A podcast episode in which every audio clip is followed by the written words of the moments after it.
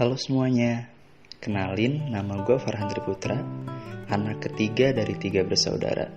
Seorang mahasiswa yang biasa aja, punya banyak impian dan cita-cita, tapi hobinya malah rebahan aja. Udah sih, segitu aja perkenalannya. Di sini gue bakal cerita sedikit tentang apa yang ada di pikiran gue. Sedikit tentang 2020. Mei 2020 Gak kerasa 2020 udah hampir setengah perjalanan.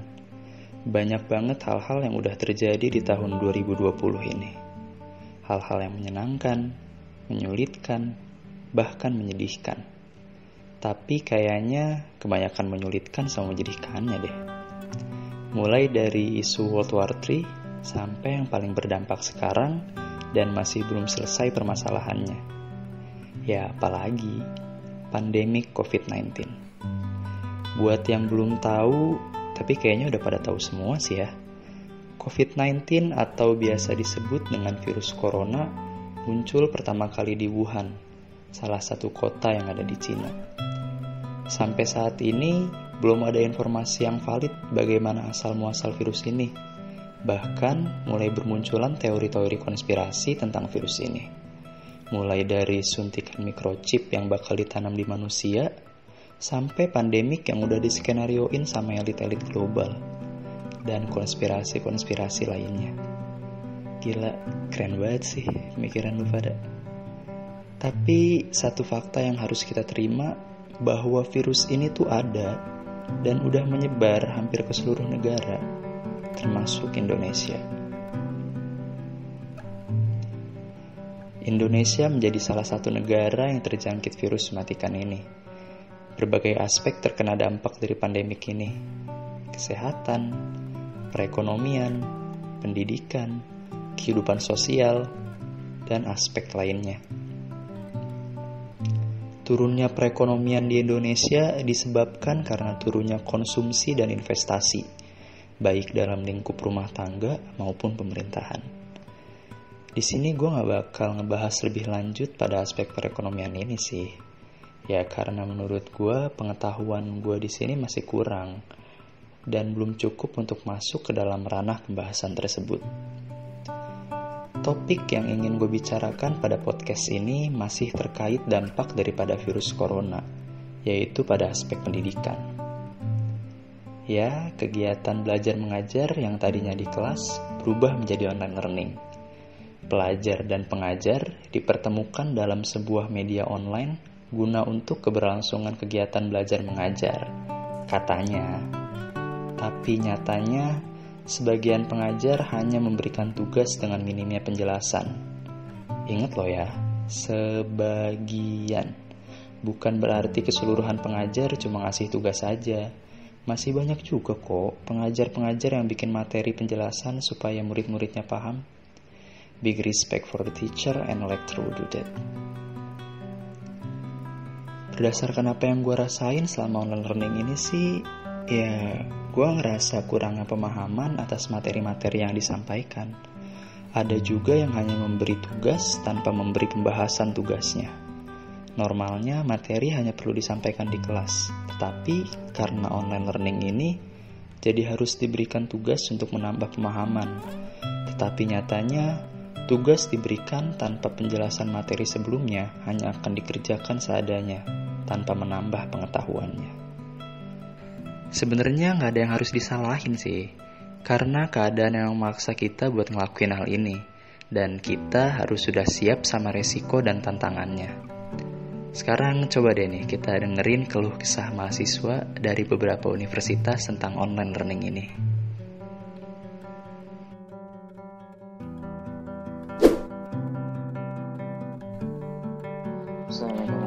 Gue Muhammad Nurul Fauzan. Gue dari Universitas Islam Negeri Syarif Hidayatullah Jakarta.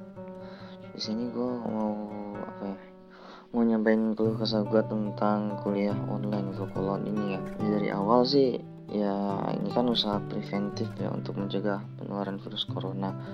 Tapi awalnya sih fine fine aja. Tapi setelah ngerasa ke sini makin ke sini banyak sih yang apa namanya banyak yang menurut gue negatif sih. Ya kurang berkenan aja gitu sama gue mungkin dirasakan juga sama orang-orang lainnya. Yang pertama itu ya ilmu. Kalau penyampaian ilmu itu lebih serak di kelas kata gue kalau kayak gini agak susah. Ya walaupun usahanya terdapat pada mahasiswanya tapi kadang sulit juga. Kalau misalnya kuliah online kadang ilmu juga nggak sampaikan dengan dengan sepenuhnya. Yang kedua ya menurut gue ini sih ya ngabisin kuota banget kok kuliah online apalagi misalnya nih ya kalau kita kan pakai zoom ya kita ambil contoh zoom google meet itu kan kadang kalau HP-nya HP kentang gitu dia kan bakal bakal nggak panas HP-nya atau kurang memorinya juga kuota sih bermasalah banget kuota. Tunjangan dari dari universitas pun nggak ada sama sekali. Itu sih yang membuat kadang di ekonomi yang agak sulit sekarang itu agak sulit banget mungkin itu sih dua hal yang besar yang kata gue uh, apa ya menjadi keluh kesah gue dalam selama ini.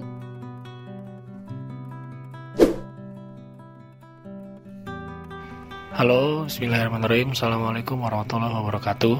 Nama gue Muhammad Rifki dari Universitas Brawijaya Fakultas Ilmu Administrasi 2018 Sebelumnya gue berterima kasih banyak kepada podcaster Karena sudah memberikan izin dan kesempatan gue berbicara di podcastnya ini uh, Kalau ngomongin soal keluh kesah kuliah online Itu seperti apa ya? Yang gue rasain itu secara pribadi mungkin gue harus lebih bisa beradaptasi lagi dengan metode pembelajaran yang baru kayak gini. Karena gue sendiri merasa sangat-sangat berbeda ya dari segi penyampaian materi atau mungkin penyampaian ilmunya, kondusivitas kelas dan lain-lain itu sangat-sangat berbeda dengan bertatap muka. Jadi gue benar-benar harus bisa beradaptasi lagi. Mungkin itu sih yang gue rasain. Belum lagi kan kuliah online ini ditunjang dengan koneksi harus yang bagus dan yang stabil gitu ya, yang memadai. Karena kan dalam kondisi sekarang ini kan kita berada di berbagai macam daerah yang berbeda dengan kekuatan sinyal dan stabilitas koneksi yang berbeda juga.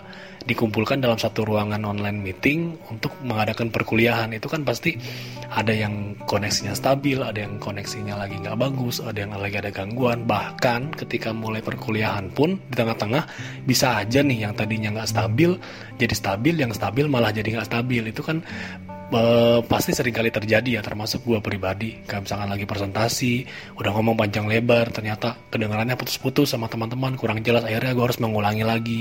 Itu karena mungkin sinyal gue jelek atau mungkin sinyal teman-teman yang lain lagi kurang bagus. Begitu juga ketika ada yang share screen di gue nggak muncul mungkin karena sinyal gue yang lagi kurang bagus atau mungkin penyedia screennya ini yang lagi mengalami gangguan koneksi gitu. Itu mungkin yang paling gue rasain dan juga memakan banyak biaya untuk kuota internet ya. Karena kan dalam satu hari aja bisa ada dua atau tiga perkuliahan. Dalam satu minggu mungkin ada 3 sampai empat hari lima hari perkuliahan lah dalam satu minggu. Itu terus menerus sampai sekarang udah satu bulan lebih nih. Itu kan pasti banyak sekali memakan kuota internet bagi yang tidak memakai wifi. Dan menurut gue harus ada peran kampus ya dalam mensubsidi kuota untuk mahasiswanya. Mungkin ada beberapa yang sudah memberikan subsidi kuota, ada juga yang belum. Mungkin mudah-mudahan nanti suatu saat akan diberi. Dan juga mungkin ada yang sudah memberikan tapi masih belum merata. Yang mudah-mudahan masalah ini segera terselesaikan lah ya. Aduh, beribet kan. Terselesaikan lah. Karena ini penting banget sih menurut gua. Dan juga ada salah satu media perkuliahan online yang sering kita gunakan ini diterpa isu keamanan yaitu pencurian data pribadi usernya. Itu menurut gue sangat meresahkan ya bagi gue sendiri. Mungkin teman-teman juga merasakan sangat meresahkan dan juga dilema. Karena kan aplikasi ini sering kali kita gunakan. Rata-rata dalam perkuliahan itu kan menggunakan aplikasi yang ini. Tapi di satu sisi kita mau mencari aman juga dong. Data-data kita yang mana mau kita dicuri seenaknya aja gitu kan. Tapi dilema mau gimana lagi nggak bisa di uninstall karena buat dipakai buat kuliah gitu. Menurut gue itu aja sih at least yang lain sisanya mah kayak mager ketiduran atau susah bangun dan lain-lain tuh kembali ke diri kita masing-masing sih. Oke okay, thank you Ya, itulah beberapa suara mahasiswa yang merasakan keluh kesahnya atas keberlangsungan online learning ini. Saran dari saya pribadi itu untuk para pengajar terkait keberlangsungan online learning ini. Pertama, pada setiap materi pertemuan yang sudah terjadwal, apabila tidak diadakan video conference, Paling tidak diberikan video penjelasan untuk materi tersebut agar mahasiswa dapat mempelajarinya.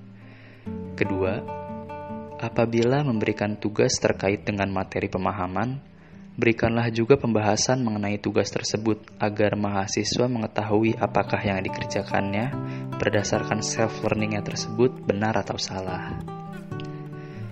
Tugas yang numpuk emang jadi malapetaka bagi mahasiswa tapi pernah gak sih kalian mandang dari perspektif para pengajar?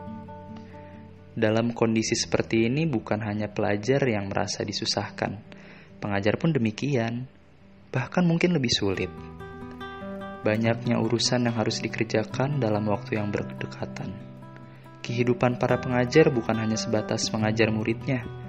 Mungkin saja dari tenaga pengajar ada yang sambil menjalankan bisnisnya, ada yang sedang menjalankan researchnya, ada yang harus menjalankan rapat dengan jadwal yang padat untuk membahas silabus pembelajaran dan kesibukan-kesibukan lainnya. Menjadi pengajar pada kondisi saat ini benar-benar tidaklah mudah.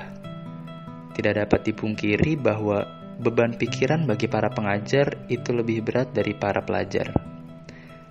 Mereka yang sudah berkeluarga harus memikirkan bagaimana keberlangsungan hidup keluarganya di tengah pandemik ini. Konklusinya adalah, gak semua yang kalian rasain sekarang itu adalah kondisi terburuk. Dengan adanya tekanan dari segala sisi bukan berarti menjadikan kalian orang yang paling merasa terpuruk.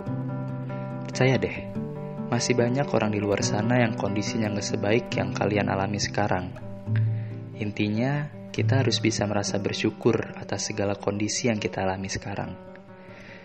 Dan semoga di sisa perjalanan tahun 2020 ini diberikan kejutan dengan hal-hal baik. Semoga pandemi ini cepat berakhir dan semoga rencana-rencana positif yang kita semua miliki dapat berjalan dengan lancar. Makasih banget buat yang udah luangin waktunya untuk dengerin podcast ini. Stay safe everyone and thank you for listening.